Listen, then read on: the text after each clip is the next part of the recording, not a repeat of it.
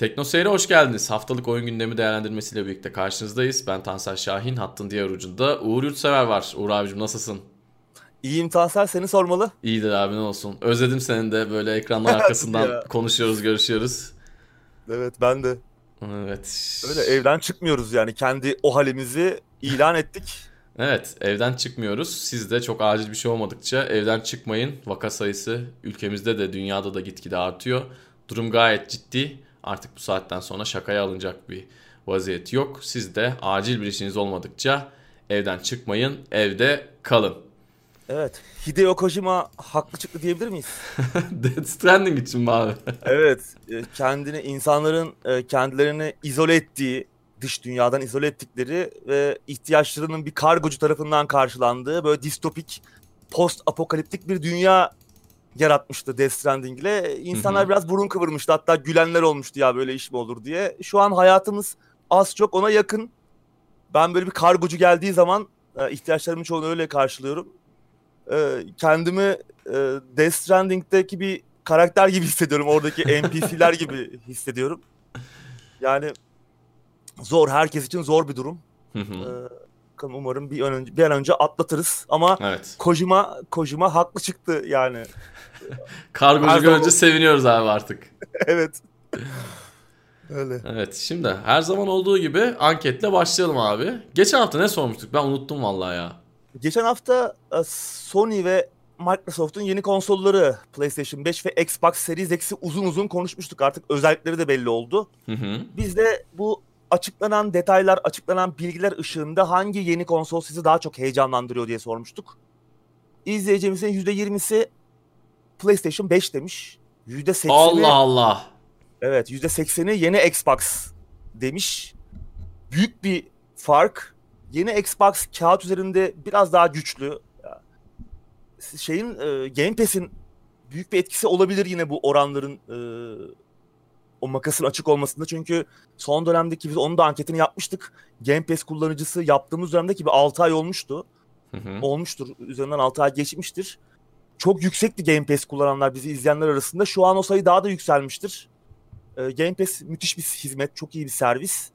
E, ve buna ek olarak e, son dönemde işte geçen hafta yine konuşmuştuk, üzerine biraz durmuştuk. E, Sony'nin e, PlayStation cephesinde olan indirimler, dünya çapında indirimler var ama Türkiye'de e, şu an yok o indirimler. Hı hı. Neden olduğu bilinmiyor. Bir açıklama yaptılar ama yarım yamalak çok bir şey de anlamadım ben o açıklamadan. Yani şu an niye o indirimlerin dışına itildiğimiz konusunda e, bir bilgi yok doğru düzgün. İşte yapılacak falan deniyor ama yani ne yapacak? Önce bindirilecek sonra mı indirilecek? Bir şey var. Burada oyuncuların kalbi kırıldı, üzüldü birçok oyuncu. Bu bir tepki oyu da olabilir. E, çünkü bizim ülkemizde biliyorsun yani konsol denince e, PlayStation, PlayStation. olarak yani hatta direkt PlayStation onun adı PlayStation konsolun. Hatta futbol Ama... oyunları bile PlayStation. Evet. Hani PES ee, değil PlayStation yani artık. doğru. Doğru. O biraz kırılabilir bu yeni jenerasyonda gibi geliyor. Ee, Bunlar üst üste bindi. Bütün bu şeyler işte Game Pass, Xbox'ın biraz daha güçlü olması, işte Sony Türkiye'nin biraz bu süreçleri yönetememesi. Uzun süredir zaten çok problemli. Yani bu ilk e, şey değil. Zaten store tarafında, PlayStation Store tarafında inanılmaz problemler var. Oyun almaya çalıştığınız zaman bile bazen alamıyorsunuz. Hani parayı veriyorsunuz adamlar alamıyor o parayı falan böyle arada bir sürü hata oluyor. Yok kartınız kilitleniyor işte hesabınız askıya alınıyor falan. Abuk subuk yıllardır PlayStation 3 döneminden beri çözülemeyen bir sürü sorun var. Ee, PlayStation Türkiye biraz hani PlayStation markasının güvencesiyle çok iyi çalışmıyor mu ya da yeterince iyi bu süreci yönetemiyor mu bilmiyorum. Bana öyle geliyor yönetemiyorlarmış gibi geliyor. Bakalım yeni jenerasyon neler olacak Türkiye'de neler değişecek.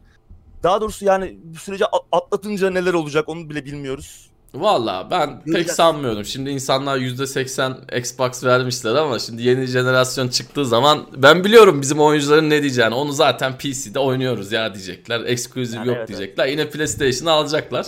Şimdi, yani o satışlara yansıyacak Evet satışlara yansımayacak. Değil. Şimdi işin aslı e, biz tepki göstermeye gösteriyoruz halk olarak internet üzerinden vesaire ama bu satın almaya geldiği zaman Bilmiyorum, bilmiyorum. Ben evet. açıkçası yani ya. bizim izleyicilerimiz ya da Türk oyuncular arasında yeni jenerasyon savaşı başladığı zaman insanların daha çok e, Türk oyunculardan bahsediyorum. Xbox'a ilgi göstereceklerini açıkçası pek sanmıyorum. Yine PlayStation'dan evet. Devam edilecektir diye düşünüyorum. Fakat indirimlerin gelmemesi insanları gerçekten çok üzmüş, çok yaralamış. Bakalım ne olacak. Ama dediğim gibi ben böyle bir sonuç beklemiyorum açıkçası. Evet. Yani dünyada da öyle olacak gibi. Hı hı. Bu da biraz PlayStation 4'ün işte bu jenerasyondaki başarısı yani iki katı geçti hı hı. artık satış anlamında. O başarıyı biraz arkalarını alıp o rüzgarla yine bu jenerasyona biraz yani önümüzdeki jenerasyona biraz daha avantajlı başlayacak PlayStation. Evet. Bütün dünyada böyle olacağını düşünüyorum ben ama işte bizde bakalım durum ne olacak. Biz evet. erişebilecek miyiz? Konsolların fiyatları bile daha belli değil. Çok Hı-hı. pahalı olacak. Yani o artık e, bir gerçek. Kredi çekip mi alacağız? Evet. Hadi aldık 3-4 sene sonra tekrardan işte ben bunu yenisini çıkardım, prosunu, esini bilmem nesini çıkardım deyince bir daha mı almamız gerekecek? Onu da evet. bilmiyorum. O zaten beni çok gıcık eden bir olay. Konsoldan da soğutan bir olay. Evet. Bakalım önümüzde, göreceğiz bunları. Önümüzde çok fazla soru işareti var. Dediğin Hı-hı. gibi zamanla göreceğiz. Bakalım. Önce şu virüs belasını bir atlatalım sonra evet. e, daha Hı-hı. umutla bakabiliriz belki dünyaya. Evet biz de hala o- oyun mu oyun diyoruz bakalım. Şimdi gündeme geçelim abi artık yavaştan. Geçelim. Dünya Sağlık Örgütü evde kalıp oyun oynamamızı öneriyor. Şok şok şok. Evet. Bize pis oyun bağımlıları, evden çıkmayan kekolar, şöylesiniz böylesiniz günde 20 saat oyun oynuyorsunuz diyen Dünya Sağlık Örgütü bir anda ne oldu da oyun oynamamızı öneriyor abi. evet yani adamlar daha 3-5 ay önce çok yakın geçmişte yani oyun bağımlılığı üzerine bunun bir hastalık olduğunu kabul eden ve işte oyunların insanları kötü etkilediğini öne süren çalışmalar yapıyorlardı. Bunlar büyük çaplı ciddi çalışmalardı. İşte bugün gelinen noktada Dünya Sağlık Sağlık Örgütü'nün öncülüğünde ve oyun endüstrisinden büyük şirketlerin de katılımıyla e, Play Apart Together ayrı olsak da birlikte oyun oynayalım temalı bir etkinlik başlatıldı. Yani kısacası bizden evde kalıp oyun oynamamızı istiyorlar. Tansel. Çok da mantıklı çok da ama şey aslında. Evet. Tabii. biz zaten aynısını yapıyoruz. Zaten eskiden de aynısını yapıyorduk da. Bizim için pek bir şey değişmedi zaten de. Evet. Şunu söylememiz lazım bu arada. İşin şakası esprisi bir yana. Hani virüs tehdidinin artık ne kadar ciddi olduğunu hepimiz biliyoruz. Ülkemizde de olayın ne aşamaya geldiği ortada. Gerçekten evde kalıp oyun oynamak, özellikle sürükleyici bir oyun bulursanız yani sizi günlerce oyalayacak bir şey, sıkılmanızı önleyecek bir şey. Sıkıldığınız zaman belki iradenize yenik düşüp ya çıkayım bir turlayayım diyebilirsiniz ama yani çok sürükleyici bir oyuna kaptırdığınız zaman e, sizin açınızdan çok daha aslında çok da faydalı bir sonuç doğurabilir aslında bu öneri. İşin şakası bir yana biz de gerçekten evde kalıp mümkünse eğer imkanınız varsa oyun oynamanızı öneriyoruz. Dünya evet. Sağlık Örgütü'nde bu noktada tebrik ediyoruz. Her ne kadar evet. eski dosttan düşman Biraz şey oldu. Kendileri için de bir denize düşen yılana sarılır durumu oldu gibi. Evet. Kendileri için yani. Ee, evet. devran devran dönüyor böyle işte. Evet. Keşke dönmeseydi tabii böyle olaylar olmasaydı tabii. ama. Tabii. Keşke. Evet. Şimdi sıradaki habere geçiyorum abi. Geç. Mountain Blade 2 Bannerlord erken erişime açılıyor. Hatta biz gündeme başlamadan önce yani yaklaşık bir yarım saat önce erken erişim açıldı. Biz de hafiften evet. bir indirmeye başladık. Hard diskimizde yerleri açtık. İndireceğiz, bakacağız. Evet. Haftaya bir... belki üzerine bir şeyler, birkaç e, cümle, birkaç paragraf edebiliriz. Hı-hı. Evet. E, 31 Mart'ta çıkması planlanıyordu daha önce. Bir gün er-, erkene alındı. Biz gündemi çektiğimiz bu saatler dediğin gibi açıldı. 150 lira daha önce açıklandığı gibi oyunun e, satış fiyatı ama işte bir 16 Nisan'a kadar devam eden bir %10'luk indirim var. E, bunun üzerine eğer önceki Mountain Blade oyunlarına sahipseniz bir %10 indirim de öyle ekleniyor. Yani toplamda bir %20'lik indirime sahip olabiliyorsunuz. Bu da 120 lira gibi bir fiyata denk geliyor. Yani Yine avantajlı bir fiyat ama daha önce de konuşmuştuk ya. Bence hala biraz pahalı. Yani ben 100 liranın altında bir fiyat bekliyordum. Biraz daha özel bir fiyat bekliyordum Türkiye'ye özgü. Daha önce uzun uzun konuşmuştuk zaten. Daha evet. iyi örnekler gördük çünkü yabancı firmalardan daha önce. Hı hı. Ee, yine tabii özel bir fiyat. Yani 50 dolarlık bir oyundan bahsediyoruz. Hani direkt dolar kuruyla veya döviz kuruyla çok daha yüksek bir noktaya denk geliyor ama 120 lira bile hala biraz pahalı ama e, oyun iyi bir zamana denk geldi. Herkes evde. Hı hı. Ee, hani insanlar daha çok ilgi gösterecektir. Tabii oyun şu an erken erişim aşamasında. ve bir sürede bir süre daha böyle kalması planlanıyor. Yani bir yıl falan sürebilir bu süreç. Belki daha uzun sürecek. Oyun çok da hazır mı? Ne kadar hazır bilmiyoruz. Biz de deneyimleyemediğimiz için ama yani çok fazla problem bekleyebiliriz bu süreçte. Bug'lar, işte glitch'ler ya da e, bazı eksik olan özellikler. O yüzden hani çok tam bir oyun beklentisiyle satın almamak gerekiyor oyunu. Erkeler için böyle bir şey oyun zamanla daha da hazır hale gelecek. Ee, bakalım. Buradaki esas soru işareti şu. Yıllardır, yıllarca beklediğimiz bir oyunun erken erişim olarak çıkması. Yani buradaki esas soru işareti bu. Keşke erken erişimde çıkmasaydı. Keşke bugün direkt oyun full sürümüyle çıksaydı.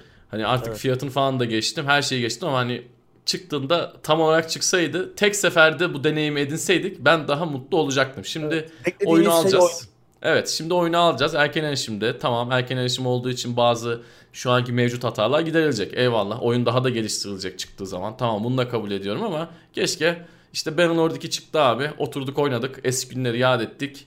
O oyundan da çok keyif aldık diyebilseydik. Evet, erken erişim olduğu keşke. için e, biraz bir e, tatsız kalacak şimdilik. Bakalım.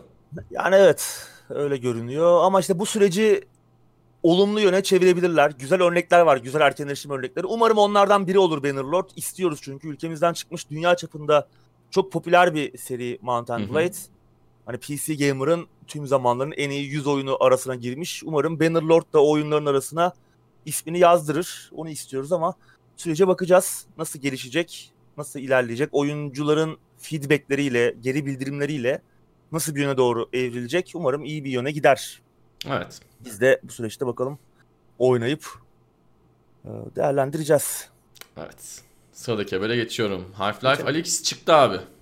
Evet. 13 yıl aradan sonra gelen ilk Half-Life oyunu. Hı hı.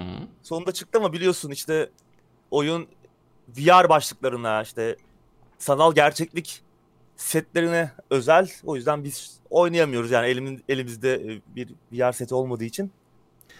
Hafta boyunca YouTube'cuları, yayıncıları izleyip kötü yorum yaptım evet. abi. Sakallıyla ilgili yorumlar yaptım. Sakalları buldum. Sakalları yorum yazdım. Ses kötü yazdım. Görüntü kötü yazdım. Sanayide mi video çekiyorsunuz kardeşim yazdım. Bir haftalığına yer değiştirdik abi. Böyle evet, bir çok kıskançsın yani. Evet, evet. Yani bir haftalığına biz içerik üretenleri evet. izledik. Yorumlar çok iyi. Yani Hı-hı. Steam'deki kullanıcı incelemeleri yorumları çok iyi. İncelemeler çok iyi. Herkes çok etkilenmiş görünüyor. Hem atmosferden hem hikayeden hem oynanıştan hem çevreyle etkileşimden yani oyunla ilgili her şey öve öve bitirilemiyor şu anda. Ki çevreyle etkileşim özellikle önemli bir konu. Çünkü biliyorsun Half-Life 2 de kendi zamanında 2004 yılında çıkmıştı ve o dönemin çok ötesindeydi çevreyle etkileşim Kesinlikle. anlamında. Hala çok hala, iyi. Hala çok iyi. Hala bugün first person shooter'ların %95'i belki daha da fazlası Half-Life 2 seviyesinde bir çevreyle etkileşime sahip değil. Katılıyorum. Ee, önemliydi ve bu açıdan çok iyi e, iş başarmışlar. Dedin sen YouTube izledim falan işte insanların oynayışlarını. Valla sonu çok övülüyordu. Yani özellikle sonunu çok övüyorlardı oyunun. Ee, ben dayanamayıp izledim ben de. Ben sonunu Öyle izledim. Öyle Biraz mi? oynanışta izledim. sonunu da izledim. Yani çünkü yakın zamanda oynama imkanımız yok. Hadi bu karantina süreci olmasaydı, virüs salgını patlak vermeseydi belki bir VR kafeye gidip hani deneyimleme şansımız olurdu ama o da şu an çok mümkün görünmüyor. Kaç ay olacağı belli değil falan. Dedim ya izleyeyim ne olacak. Yani sonuçta hala o yolculuğun kendisi de çok önemli. Belki bir gün fırsat yakalarız, oynarız. Ee, sonunu izledim böyle ufak bir çakallık yapmışlar sonunda. Ben çok beğendim. Güzel hmm. olmuş sonu. Ee, başarılı. Ee, şu anda her yerde Valve'ın dönüşü muhteşem olduğu yorumları yapılıyor ki yani Alyx'e de bakılırsa Half-Life Alyx'e devam edecek e, seri Half-Life 2 Episode 2'nin kaldığı yerden artık bir Half-Life 3 mü olur, Half-Life 2 Episode 3 mü olur onu bilmiyoruz ama hikaye devam edecek. O artık kesin. Ama işte bunun için bir 13 sene daha bekler miyiz? Ee, yani ben artık beklemiyorum ya. Tamam çıkarsa oy- oynayacağım da ben unuttum unuttum hikayeyi falan unuttum yani ha- hakikaten yok. Evet. Ya işte bir 13 sene daha bekler miyiz? Ya da oyun yine çıkarsa VR'a mı özel olur? Şimdi Half e, Valve'ın e, VR konusunda çok büyük yatırımlar yaptığını biliyoruz. Ve yaptıkları açıklamalara bakılırsa yeni oyunlar yine bu tarz büyük, büyük bütçeli oyunlar yapmaya devam edecekler. Half-Life 3 bunlardan biri olur mu? Bunu cesaret edebilirler mi? Şu an Half-Life Alyx'in e, oynayıcı sayıları çok yüksek. Yani Steam'de 45 bini devirmişti. Çok niş e, bir e, çok niş bir kitleye hitap etmesine rağmen bu iyi bir sayı 45 bin e, anlık oyuncu sayısı. Bu bize e, satış grafiğinin de çok iyi başarılı olduğunu gösteriyor. Bu oyun acaba geleneksel olarak çıksaydı, herkesin oynayabileceği bir oyun olsaydı e, ne kadar satardı? E, müthiş bir başarı olabilirdi şu an. Bunu konuşuyor olabilirdik. O yüzden ben Half-Life 3'ün VR'a özel olmayacağını düşünüyorum. Ama e, ellerindeki diğer fikri mülklerden yine VR odaklı mesela Portal olabilir. Bu ki çok Hı hı. müsait Portal VR. Çok da e, güzel olur. Çok da güzel olur. Oradan devam edebilirler gibi geliyor. Kesin yapacaklar yani VR'dan devam edecekler büyük bütçeli oyunlar. Half-Life 3'te ben artık kesin geleceğini düş- düşünüyorum ama artık ne zaman gelir? Ee, kendileri çünkü artık döndük diyorlar. Bu Half-Life Alyx tek seferlik bir oyun değil. Çünkü bu ekipte olan herkes e, eski çalışanlar var, yeni çalışanlar var. Herkes oyun yapmak istiyor diye söyleniyor. Bakalım. Ee, biz tabii hep konuştuk daha önce. Valve her ne kadar oyun deneyimini baştan aşağı VR için tasarladığını söylese de biz bir noktada oyunu VR başlığı olmadan klavye fareyle oynamayı mümkün kılacak modlar yapılacağını konuşuyorduk. Birileri bir yerde bunu yapacaktı ki hatta oyun daha henüz yeni çıkmışken Valve'dan Robin Walker da böyle bir açıklama yapmıştı. Hani birileri muhtemelen bir yerde şu an bu modu geliştiriyor ama bu bizim çok umurumuzda değil çünkü biz oyunu baştan aşağıya VR için tasarladık. Oyun böyle oynanmaya çok müsait değil klavye ve fareyle diyordu. Ki nitekim öyle oldu. İki gün içinde oyunu geleneksel yollardan oynamayı olanaklı kılan bir mod yapıldı. İnsanlar oynadı bunu ama işin aslı bu modu aslında Valve biraz olanaklı kılmış. Oyunu e, VR başlığı olmadan oynamayı mümkün kılacak araçları oyunun dosyalarına kendileri yerleştirmişler. Yani aslında bu öngörüleri varmış bu konuda. Birileri bunu yapacak. Bari biz de adamların işini kolaylaştıralım demişler. Ee, başkası olsa bırak bu sürece yardımcı olmayı bunu yapanların peşinden giderdi. Valla Top, top, tüf, topuyla tüfeğiyle. Bu Bence pek yani. yerleştirmişler. e, bence pek öyle olmamıştır. Bence insanlar bunu geleneksel deneyimle oynamaya çalışsınlar da işte e, çok hoşlarına gitmesin. bir VR seti çeksinler ya. işte taksitle vaksitle diye. Bilmiyorum. Tabii, o kesin. Ben bu O adamlara tabii. yani ben bu adamlara o, o kadar güveniyorum.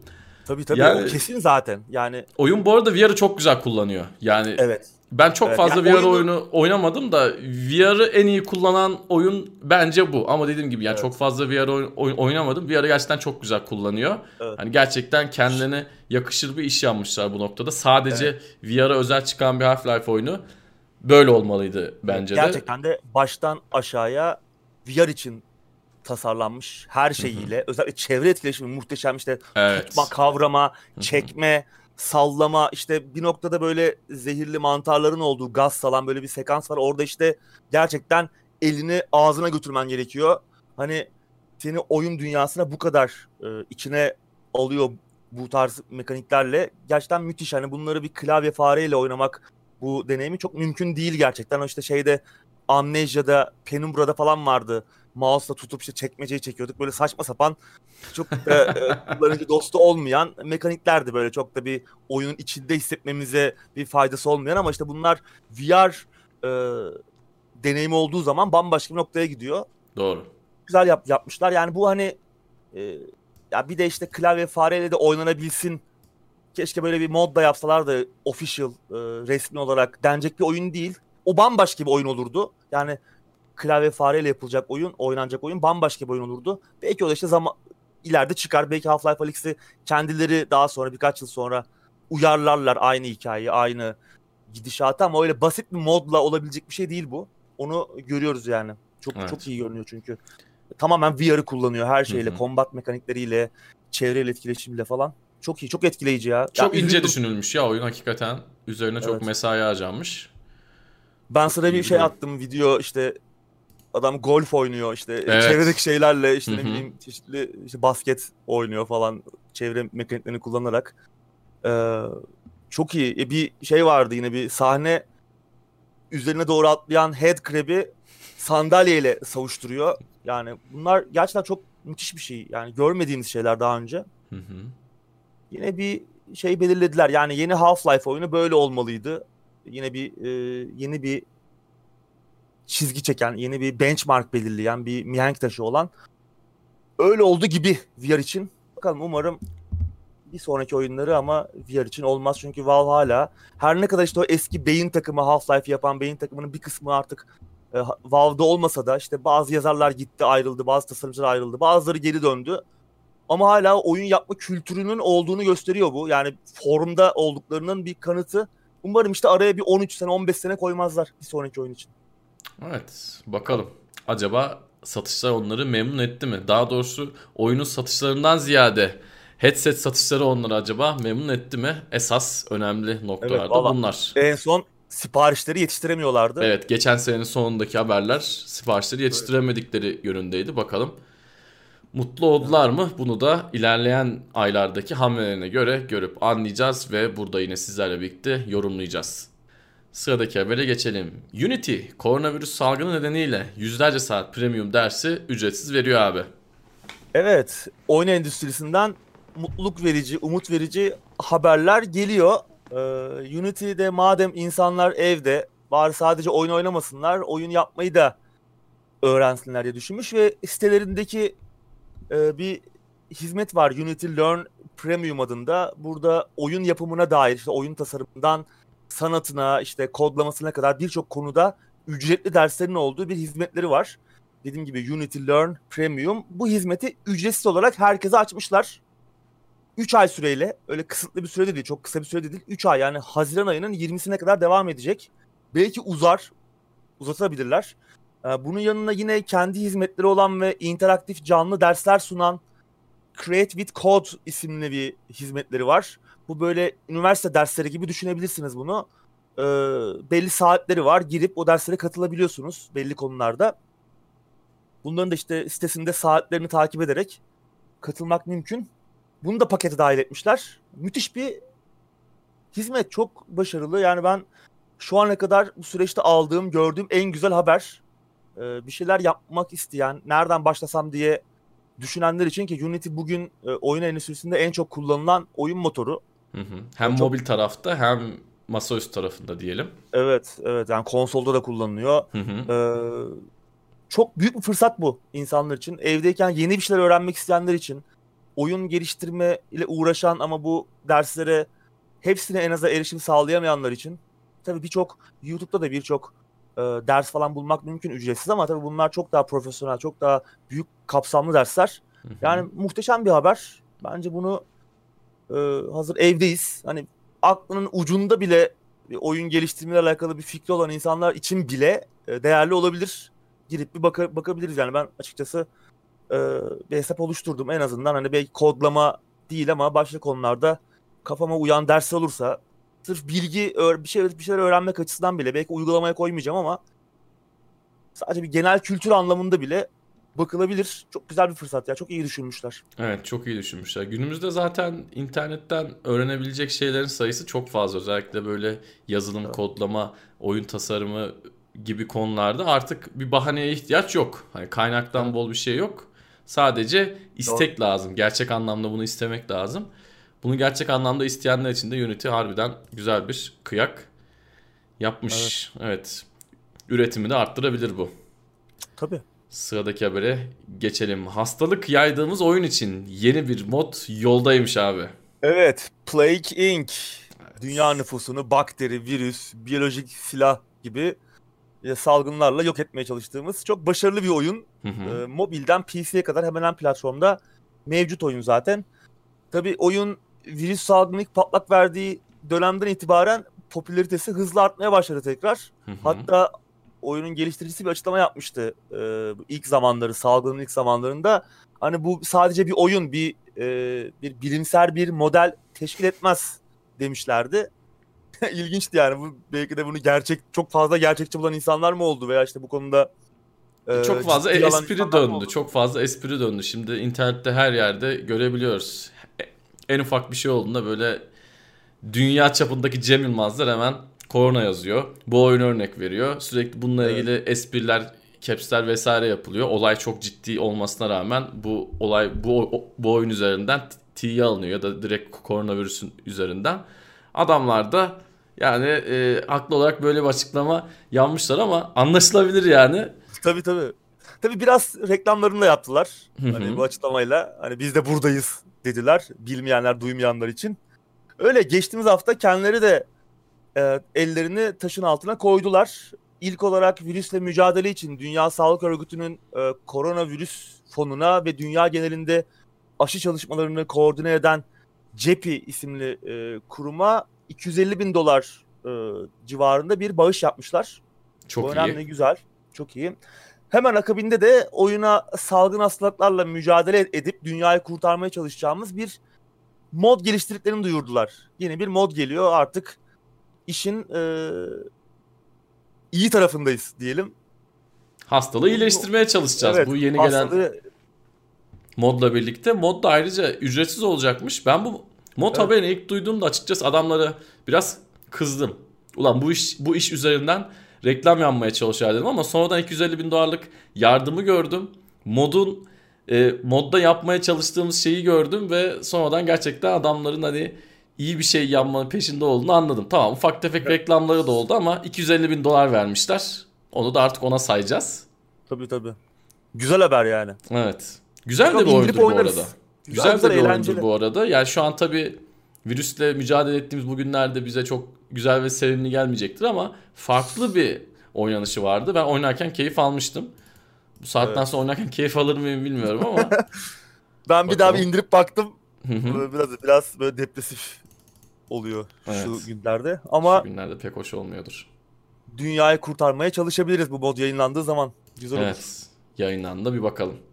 Sıradaki habere geçelim. CD Projekt Red koronavirüsle ile mücadele için 1 milyon dolara yakın bağış yaptı. Habere başlamadan hemen şunu söyleyeyim şimdi. CD Projekt Red 1 milyon dolara yakın bağış yapıyor. Deminki abiler onun dörtte biri kadar bağış yapıyor. Yani deminki abiler hakikaten kesenin ağzını bayağı açmışlar. Evet. Helal. Aslında PD Projekt de açmış çünkü bu 1 milyon dolar geçen yılki şirket gelirlerinin yaklaşık %4'üne tekabül ediyor.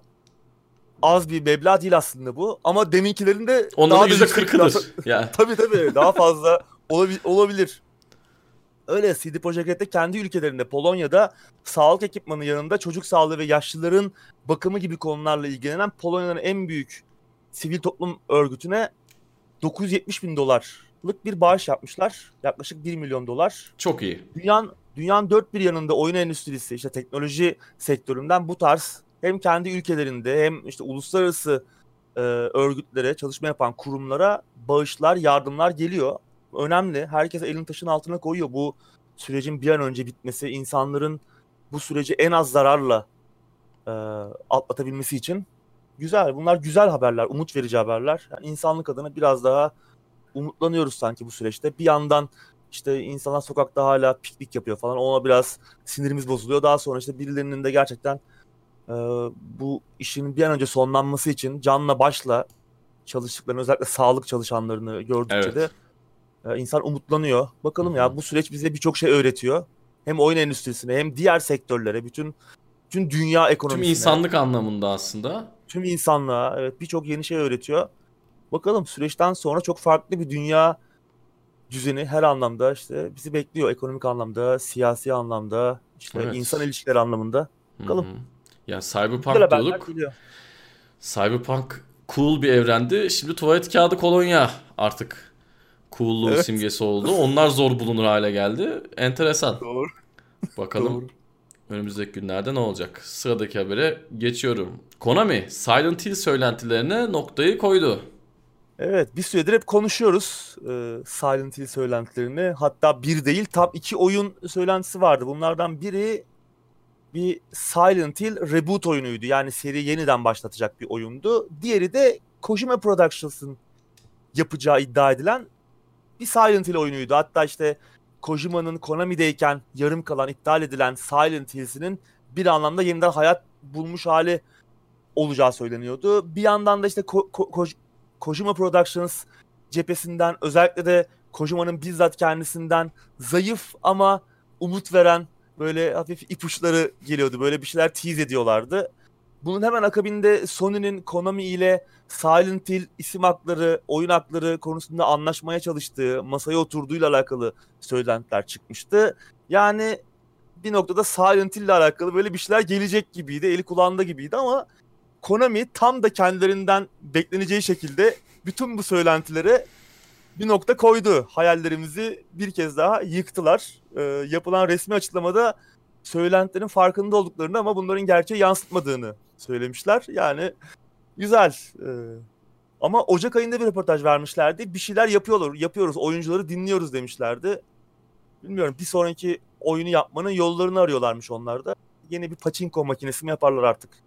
Ne yaparlar bilmiyorum. Gerçekten enteresan. Evet yani umutlarımız suya düştü şimdilik. Ama şunu da söylememiz lazım. Yani bu kadar isteksizlerse zaten yapmasınlar. Yani bu kadar isteksizlerse evet. zaten bu saatten sonra çıkacak oyun bu zihniyetteki adamların kontrolü altında çıkacak oyun zaten bizi üzecek. Üzerine bir de para vereceğiz. Hani hem para verip üzüleceğiz. Şimdi en azından yüreğimize taş mı basıyorduk, tuz mu basıyorduk? En azından bir şekilde idare ederiz. Evet. Sıradaki habere geçelim. Epic Games Steam'den sonra gözünü büyük oyun dağıtımcılarına dikti abi. Evet artık multi platform oyun dağıtımcısı, oyun yayıncısı olacaklar. Yani nedir multi platform? Birden çok platform için oyun yayınlayacaklar. PC'nin yanında buna konsollar da dahil hatta belki mobil, mobil platformlar da olacak. Hatta yeni anlaşmalarda yapmışlar çok bilindik firmalarla. İşte Max Payne serisinden, Alan Wake'den ve en son Control'den tanıdığımız Finli Remedy var. Quantum Break'ten ee, tanımıyor musun abi sen bu abini? Oradan da tanıyoruz. Nedense evet ismini ağzınıza almak istemiyoruz ama aslında evet. fena bir oyun da değildi ya. Biraz Gümbürtüye gitti değil mi? Biraz gümbürtüye gitti. Microsoft'un biraz kurbanı oldu. Biraz Remedy'nin fazla ihtiraslı olması. Arada bir böyle bir uyumsuzluk oldu. Çok daha iyi olabilirdi o oyun. Güzel fikirler vardı çünkü. Evet. Ee, Remedy'nin yanında e, Limbo'nun geliştiricisi Danimarkalı Playdead de var. Ee, bu stüdyolar arasında. The Last Guardian'ın geliştiricisi Gen Design var ki e, Gen Design aynı zamanda e, Fumito Ueda'nın stüdyosu ki kendisi biliyorsun Ico ve Shadow of the Colossus gibi muhteşem klasiklerin yaratıcısı altında imzası olan oyun tasarımcısı. Yani Gen Design'da Japon dostlarımız muhteşem bir e, stüdyo. Yani anlaştıkları 3 stüdyo da e, işlerinin en iyi e, stüdyolarından iyi iyi anlaşmalar bunlar. Ki görünüşe bakılırsa Epic'in bu süreçte oynayacağı rol basit bir dağıtımcılıktan fazlası olacak gibi. Ki projenin durumuna göre yani artık nasıl bir değerlendirme sürecinden geçecek bilmiyoruz ama projenin durumuna göre gerekirse geliştirme maliyetlerinin %100'ünü tamamını e, karşılayabilecekmiş Epic Games ki buna bu geliştirme maliyetlerine çalışan maaşları, yerelleştirme maliyetleri ve kalite kontrol gibi kalemler de dahil e, buna karşılık geliştirici oyunun fikri mülkiyet haklarını Epic'e bırakmayacak. Yani kağıt üzerinde muhteşem bir anlaşma gibi görünüyor. Gelir paylaşımına gelirsek Epic'in masrafları düşüldüğünde geliştirici gelirin en az %50'sini alacak. En az %50'si yani bu daha fazla olabilecek. Tabii piyasada geliştiriciye daha fazla gelir bırakan dağıtımcılar mevcut ama hı hı. diğer bütün yönlerden Epic'in teklifi çok daha cazip. Yani geliştirici e, kreatif kontrol, yaratıcı kontrol anlamında tam yetkiye sahip olacak. İşte oyunun fikri mülkiyet haklarını başka bir firmaya rehin bırakmak zorunda kalmayacak ki bunu Bu çok önemli. Çok konuşuyoruz işte Platinum Games örneği var önümüzde. Adamlar yaptıkları tüm oyunları birilerini bırakmak zorunda kaldılar. İşte Sega'ya bıraktılar, Square Enix'e bıraktılar, Nintendo'ya bıraktılar. Ee, bu yüzden bu çok önemli. Yani çok cazip, çok güzel bir fırsat gibi görünüyor. Güzel de bir gelişme. Bakalım e, bu işi daha da büyütebilirler zaman içinde. Anlaştıkları stüdyolar zaten işinin ehli söylediğimiz gibi. Yani yapacakları her oyun çok e, yapacakları her oyunun çok özel kitlesi olan, çok iyi satabilecek oyunlar e, yapabilecek stüdyolar bunlar. Bakalım başarılı olacak gibi geliyor bana bu girişim. Evet bunu da bir video ile birlikte tanıttılar. Videoda senin demin bahsettiğin isimlerin yanı sıra Sam Lake'i de görüyoruz. Sam Lake hiç yaşlanmamış. Ayrıca şöyle bir şey diyor bize yaratıcı özgürlük sunuyorlar diyor. Bunu altını çiziyor. Çok önemli. Bu çok önemli. Yani bunu da çok basit bir insan söylemiyor. Sam Lake gibi artık bu sektörün veteranlarından biri söylüyor. Belli evet. ki Epic Games bu konuda gerçekten samimi anlattıkları gibi bakalım ileride neler çıkacak. Ben sevindim bu evet. habere. Ben de. Tabii bütün bu oyunlar Epic Games'in mağazasına özel olacaktır diye düşünüyorum ben. Umarım umarım o inattan da vazgeçerler. Yani gerçekten çünkü bu girişim oyun endüstrisine bir şeyler katabilir. Zaten Epic Games Store'un kendi mağazalarının gelir paylaşım modelini hep övüyorduk. Hı hı. İlk duyurulduğu zaman da çok övmüştük. Ee, rekabetçi gerçekten oyun geliştiricisine e, çok fazla imkan sunan bir şey bu ama işte şu kullanıcı, anti kullanıcı, anti müşteri, müşteriye zarar veren uygulamalardan biraz vazgeçerlerse çok daha iyi, çok daha büyüyecekler, çok daha başarılı olacaklar bence. Evet. Bu gidişat öyle görünüyor yani. Sektördeki insanlar da oyuncular da onları çok daha fazla takdir edecek. E tabi yani şimdi Unreal'ı yapan adamlardan bahsediyoruz yani Tabii. öyle bir isim var. Tamam orada Unreal ekibinden kimse kalmadı belki ama Olsun. e, Epic, Epic Games'in bir ağırlığı var. Yani Unreal motoru bugün Unity'den sonra en çok kullanılan motor. Hı hı. Evet sıradaki habere geçiyorum. Yine Remedy geçiyor. Remedy'den aynı evrende geçecek iki oyun yolda abi. Evet ve tahmin etmenin zor olmadığı gibi bu iki oyunun dağıtımı içinde Epic Games anlaşmışlar. Allah Epic Allah. Games, değil mi? Ne ilginç. Ve Epic Games bu iki oyunun da mali, geliştirme maliyetlerinin tamamını karşılayacakmış anlaşma gereği. Tabii bu oyunların ne olduğu henüz belli değil.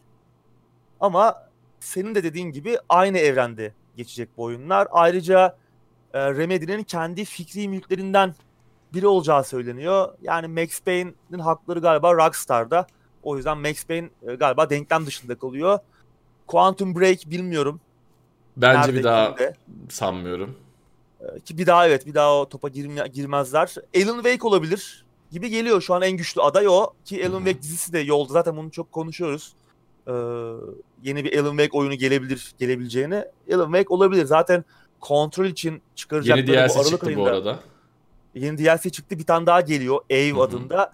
Bu Eve adında 2020'nin ortalarında gelecek galiba veya sonlarına doğru. Tam şu an çıkış tarihini hatırlayamadım. Son DLC'si olacak kontrolün.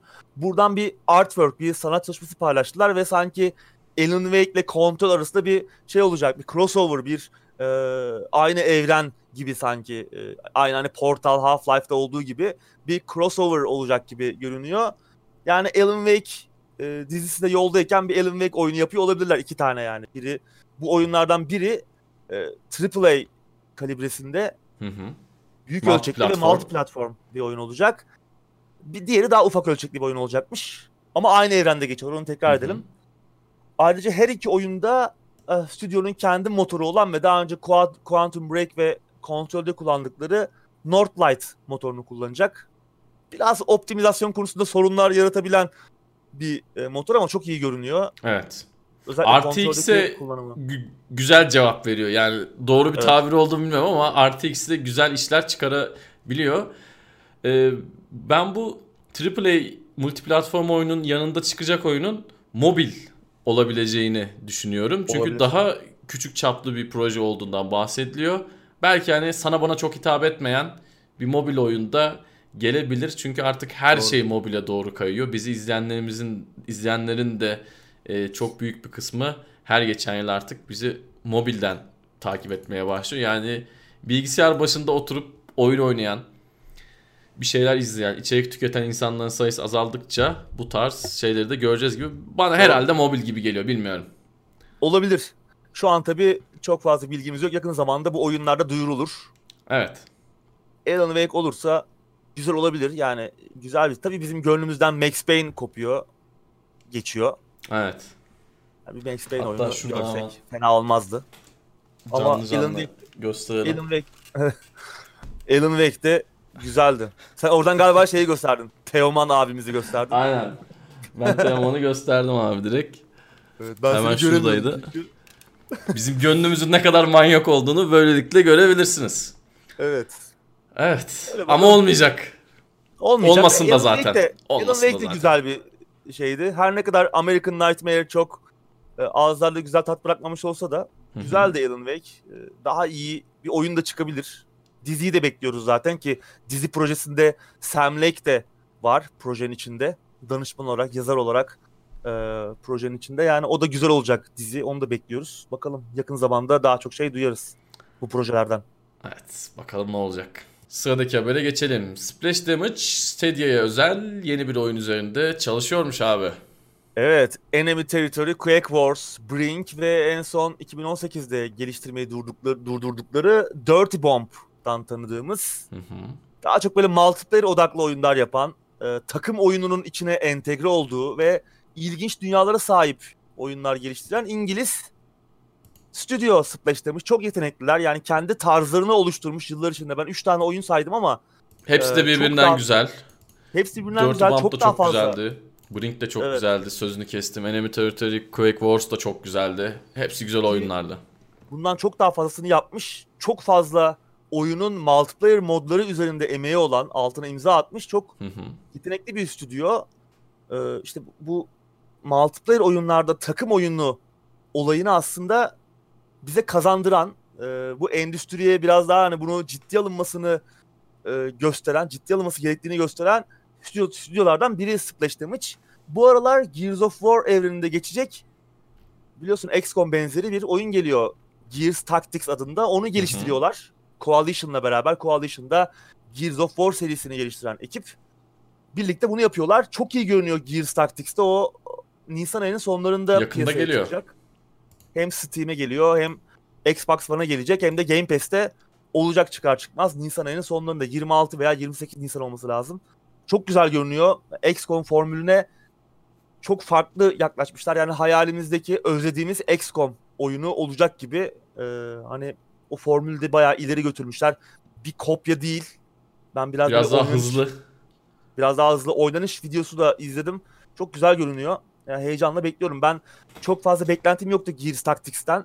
Çünkü hatırlarsan E E3 2018'de Funko Pop oyunu vardı. Gears Pop adında. Onun hemen ardından göstermişlerdi. Böyle arada kaynamıştı. Biz de ne oluyor demiştik. ne oluyor demiştik. Çok yani üzerine çalıştıkları bir şey değil gibiydi ama görünen o ki güzel bir oyun olacak.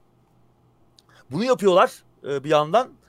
E, aynı zamanda Google'ın buluttan oyun oynatma hizmeti Stadia içinde özel bir oyun yapıyorlarmış. Ama henüz açıklanmış bir detay yok oyunla alakalı. Nasıl bir şey olacağını bilmiyoruz ama şirketin CEO'su Richard Jolly bunun biraz farklı bir oyun olacağını ama yine multiplayer odaklı ol- olacağını ve kendi imzaları olan takım oyununun da içinde bulunacağını söylemiş. Bilmiyorum yakın zamanda belki daha fazlasını duyarız. Splash Damage güzel. Ee, bazen yaptıkları çok anlaşılmasa da yani çok geniş kitleler tarafından yine bir core kendine ait bir çekirdek kitle yaratabilen oyunlarıyla çok güzel bir ekip, çok yetenekliler. Özel bir stüdyo yani. Bakalım. Kesinlikle. Stadia'da kendine e, Stadia'da kendine özel işler yapma konusunda ihtiraslı görünüyor. İşte e, stüdyo açıyorlar. Başka ekiplerle anlaşıyorlar. Üçüncü parti. Bakalım nasıl işler çıkacak. Yani Google için yepyeni bir alan bu. Oyun yapma işi. Hı hı. E, başarılı olacaklar mı? Başarılı olamazlarsa ilk anlamda diğer daha önceki örneklerde olduğu gibi terk mi edecekler yoksa inatla denemeye devam edecekler mi? Bunu da zaman gösterecek ama şu ana kadar anlaştıkları ekipler iyi görünüyor. Evet burada da yalnız riskli bir şeyden bahsediyoruz. Şimdi Stadia diyoruz. Takım oyunu gelecekmiş. Yani multiplayer tarafı olacak. Bakalım nasıl olacak. Yani Evet, bu gecikmelerle. gecikmenin 2-3 kat önem arz ettiği bir oyun türü geliyor ama e, ben Splash Damage adına çok sevindim. Adamları gerçekten çok seviyorum. Brink'i de çıktığı dönem oynamıştım. Gerçekten keyifliydi. Dirty Bomb da hakikaten çok çok çok güzel bir oyundu. Ama biraz underrated mı deniyor? Biraz böyle Evet. hani e, insanların ilgisini pek çekememişti. Evet. Bu oyunların kaderi umarım onlarla aynı olmaz. Özellikle Brink gerçekten hakkı yenmiş Evet. oyunlardan biri. 2000 o- 2010'lu yılların başıydı. Yılın tam 2010 şimdi hatırlayamadım Ama falan da evet. Çok enteresan bir dünyası vardı, ilginç bir dünyası ve takım oynanışı oyunu da konusunda güzeldi. oynanışı çok iyiydi. Evet. Yazık Tabii. oldu. Bence de. Sıradaki habere geçelim. Nier Replicant için remaster yolda bir de mobil oyun geliyormuş abi.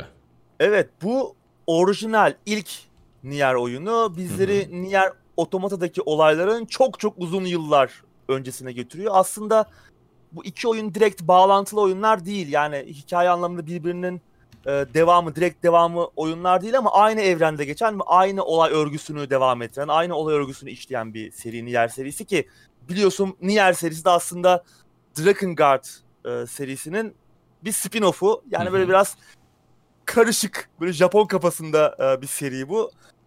Neyse kafaları biz çok da karıştırmayalım. Bunlar kendi başlarına da aslında çok anlamlı. E, öncesinde sonrasında ne olduğunu bilmeseniz de gayet keyifli oynanabilecek oyunlar. İlk Nier 2010 yılında çıkmıştı PlayStation 3 ve Xbox 360 için. PC tarafında yoktu. Şimdi e, PC'ye de geliyor. Hı hı. Xbox One ve PlayStation 4'ün yanında Steam'e de gelecekmiş. Aslında bu Nier'in de iki versiyonu var. Ee, Nier veya Nier Gestalt ve Nier Replicant. Nier Gestalt'ta Nier adında bir karakteri kontrol ediyor ve apokaliptik bir dünyada kızımızı hasta olan kızımızı kurtarmaya çalışıyorduk. Nier Replicant'ta ise yine Nier rolündeydik ama bu sefer daha genç bir Nier. Yani aynı karakter değildi. Nier adında başka bir karakter.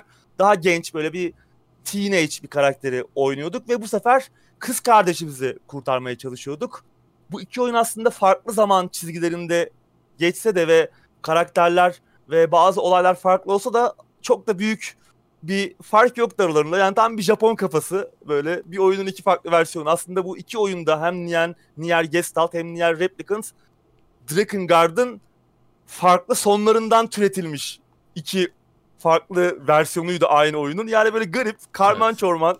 En sevdiğim Japon şeylerdir kafası. böyle tam böyle tam Değil mi? En Hani daha olan. olayların ne olduğunu anlamıyoruz. Kim kimin devamıydı, nerede ne oluyor.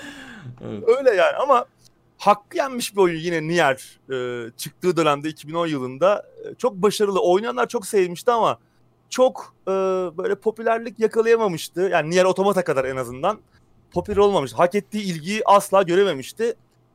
Bu remaster olaylarını pek sevmiyoruz biz. Hep konuşuyoruz zaten. Çok sevdiğimiz, tuttuğumuz bir iş modeli değil ama Nier için ki bu arada Nier Replicant remaster ediliyor. Nier Gestalt değil yani daha genç karakteri, kız kardeşini kurtarmaya çalıştığımız e, karakteri oynadığımız versiyonu e, remaster ediliyor. Ben sevindim buna. Yani o dönem çünkü yeterince sesini ismini duyuramamıştı. Çok geniş kitlelere yayılamamıştı. Belki bu sefer bu bir vesile olabilir. E, biraz daha gelişmiş görsellerle ki sadece bununla da e, sınırlı kalmıyorlar. E, yeni karakterler de olacakmış. İşte müzikler yeniden kaydediliyor ki muhteşemdir e, müzikleri. E, Keiichi Okabe imzalı hem Nier'in hem Nier Automata'nın müzikleri muazzam zaten. Müzikleri yeniden kaydediyorlarmış. Oyunda yeni bir son olabilirmiş. Bakalım çıkacak. E, bu yıl içinde çıkacağını düşünüyorum ben. Henüz kesin bir tarih vermemişler ama Nier'in 10. yaşını kutluyoruz. 2020 bu yıl Hı hı. içerisinde gelecektir.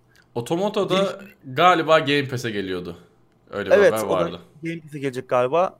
Güzel oynanır o da. Çok muhteşemdi o da. Çok iyiydi. Hı hı. Bakalım Nier Replicant da e, geliyor. PC oyuncuları da zamanında deneyimleyemedilerse PlayStation 3'leri veya Xbox'ları yoksa veya bu oyunu hiç duymadılarsa bence kesin baksınlar. Umarım fiyatı da uygun olur. Güzel olur. E, işin içinde Platinum Games yok tabi. Nier Automata'nın geliştiricisi. Zaten aslında ilk Nier'i de onlar geliştirmemişti.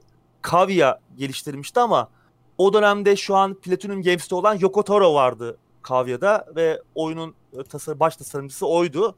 Ama bu ekibin dışında başka bir ekip geliştiriyor şu an. Toy Logic galiba. Orada da Nier Automata'da e, tasarımcı olarak çalışmış bir arkadaş varmış. Yani çok da yetkin bir ekip başında. Zaten aynı oyunu yeniden elden geçiriyorlar. İşte yeni birkaç özellik ekleyecekler falan. Güzel olabilir ya. Ben çok beğenmiştim ilk Nier'i. Bitirememiştim. Bazı başka oyunlar girmişti araya. İşte biraz oyundan kopmuştum falan. Bu sefer kesin bitireceğim. Ee, güzel. Bir de mobil oyun geliyor. Hı hı. Nier Reincarnation adında. O da iOS'a ve Android'e geliyormuş. Bir yine bir rol yapma oyunu olacak. Aksiyon rol yapma oyunu. Ee, serinin kendisi gibi. Bakalım o nasıl olacak. Onu da belki oynarız eğer düzgün bir şey çıkarsa. Evet ya da bizim telefondan kaldırırsa diyelim. Hı. Sıradaki habere geçiyorum. Avalanche Evet. Studios'tan yeni bir oyun yolda abi. Evet, Just Cause serisinden tanıdığımız İsveçli dostlarımız. Bu arkadaşlar geçen senelerde birkaç stüdyo daha alarak biraz büyüme yoluna gitmişlerdi. Ee, ki bu e, stüdyolardan biri olan Systemic Reaction yeni bir oyun yapıyormuş ki Systemic Reaction aslında geçen sene bir oyun çıkarmıştı Generation Zero adında. Hı hı. 80'ler İsveç'inde böyle robotlara karşı savaştığımız e, co-op destekli açık dünya bir first person shooter oyunuydu ama açık dünyasını yeterince anlamlı içerikle dolduramayan e, biraz vasat kalan bir oyundu. Beklentilerin bayağı altında kaldı.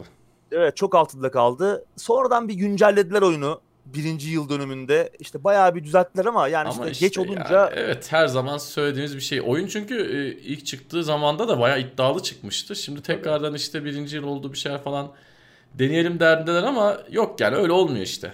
Bildiğimiz Tabii. hikaye. Just Cause'u işte Mad Max'i falan Hı-hı. yapan ekipten bahsediyoruz. Hani bu ekip olunca işin arkasında daha fazla beklentiye giriyor insanlar. Generation Zero ne yazık ki bu beklentileri karşılayamamıştı. Şimdi yeni bir oyun yapıyormuş bu Systemic Reaction isimli yeni ekibi Avalanche Studios'un. Bakalım. Çok bir şey yok. Bir teaser yayınlamışlar ama çok bir şey anlamıyoruz. Yine bir aksiyon oyunu olacaktır. Onun dışında neyle alakalı olacak henüz bilgimiz yok. Bakalım bekleyeceğiz. Yakın zamanda detaylarda açığa kavuşur muhtemelen.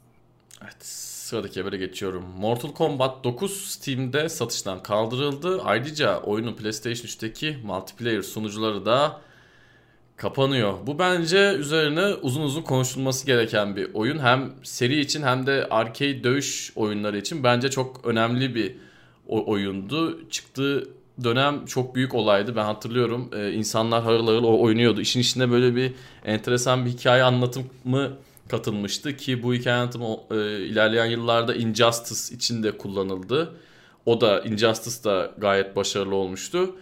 Bence Mortal Kombat serisinin eski oyunlarını da çok oynadım. Ta Sega Mega Drive zamanlarından beri Mortal Kombat oynayan birisiyim ama bu bu gerçekten hani üzerindeki serinin üzerindeki ölü toprağını atan oyundu benim gözümde. Şey diyebilir miyiz? Ee, yeni oyunları da hani 10'u ve 11'i de işin içine kat. En iyi oyunu diyebilir miyiz serinin?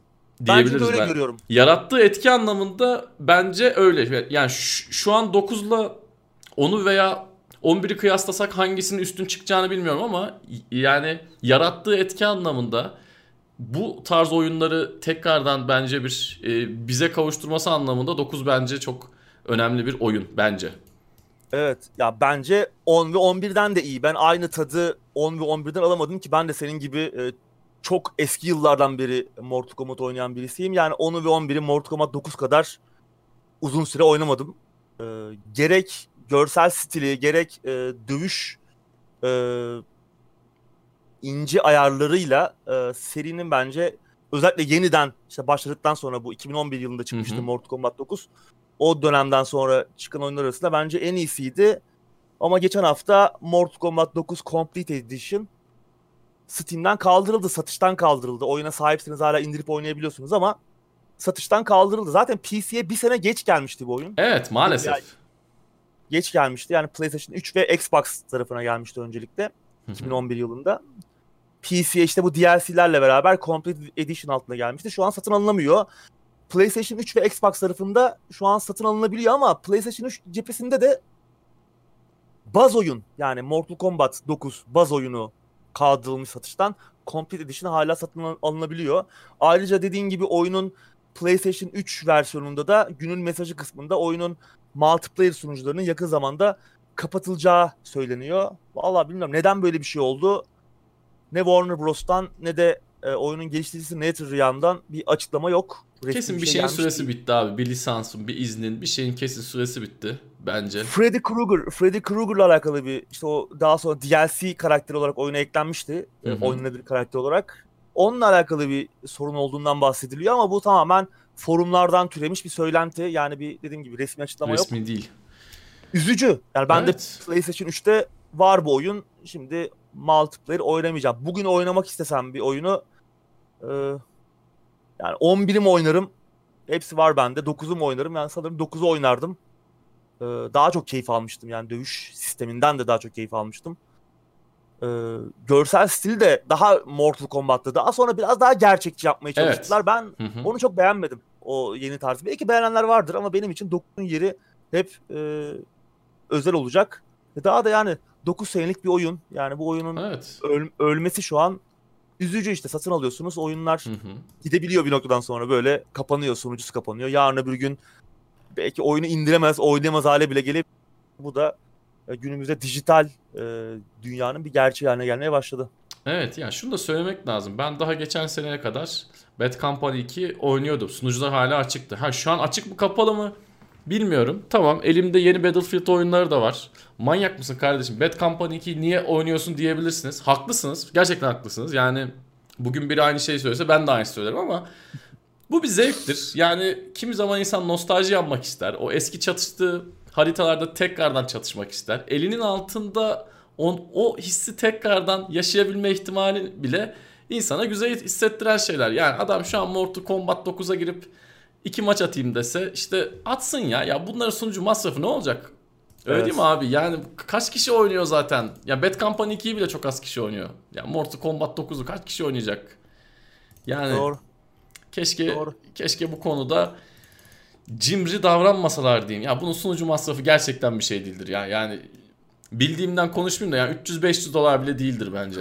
Oyuncu sayısı çünkü çok az. Keşke Doğru. devam ettirseler. Keşke. Biraz da Ki yeni Bad oyuncular Company, işte. yani bu arada Bad Company 2 de güzeldi ama ya. Bad Company Hala 2'nin multiplayer'i dönüp o dönüp- çok güzeldi. Çok güzeldi dönüp hakikaten. dönüp oynanır yani. Evet. Evet sıradaki habere geçelim ve son haber. CryEngine mobile geliyor abi. Evet, mobil platformlar için duyuruldu. Daha önce ben sanki mobile geleceğiyle alakalı birkaç haber okumuştum veya bir söylenti e, falan vardı bu konuda. Nitekim Crytek'te mobil için duyurdu CryEngine'i artık telefonlarımız için de yeni bir çağ başlıyor. E, bu oyun açar mı? İşte kasar mı?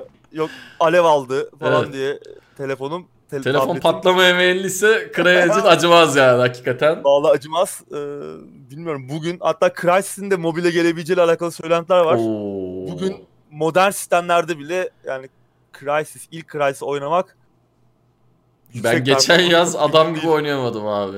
Geçen yaz Ben de- 2060'da adam gibi oynayamadım yani. Ya 2080'de 2080 Ti ile belki oynanıyordur bilmiyorum. Ama oynanmaya da biliyordur. Şimdi öyle bir oyundan Evet, bahsediyoruz. optimizasyon konusunda Evet. çok parlak bir iş değildi Crysis. Muhteşem bir oyundu görsel Hı hı. anlamda. Zaten CryEngine'le yapılan işler görsel Evet. anlamda genelde çok başarılı oluyor ama üçüncü parti işlerden yani bu motoru lisanslayıp kullanan oyun stüdyolarının çok iyi işler ortaya çıkaramadığını gördük. E, o yüzden de ne Unity kadar ne de Unreal motoru kadar yaygınlaşamadı CryEngine. Bilmiyorum umarım mobilde bu e, şeyi kırarlar. Bu olayı kırarlar.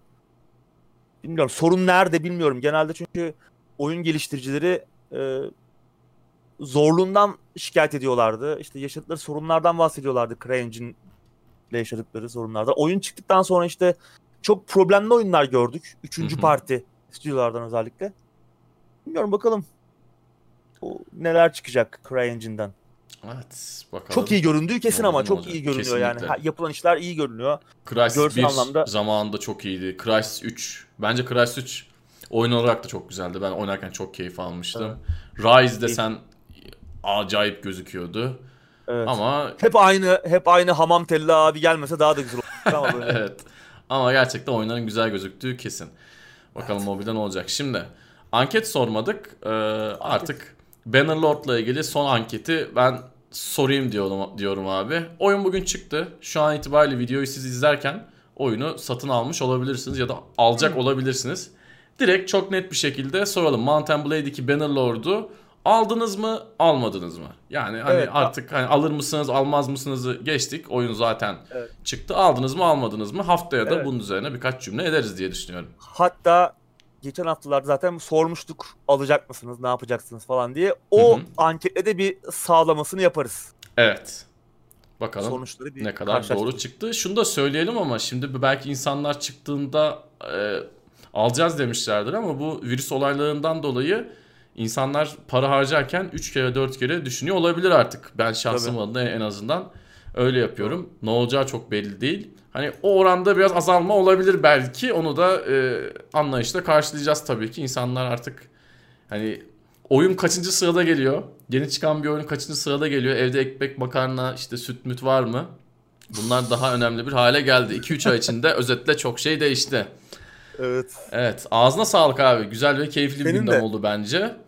Senin de. Eyvallah. Güzeldi. Haftaya o zaman yeni bir gündemde görüşmek üzere. Hoşça kalın.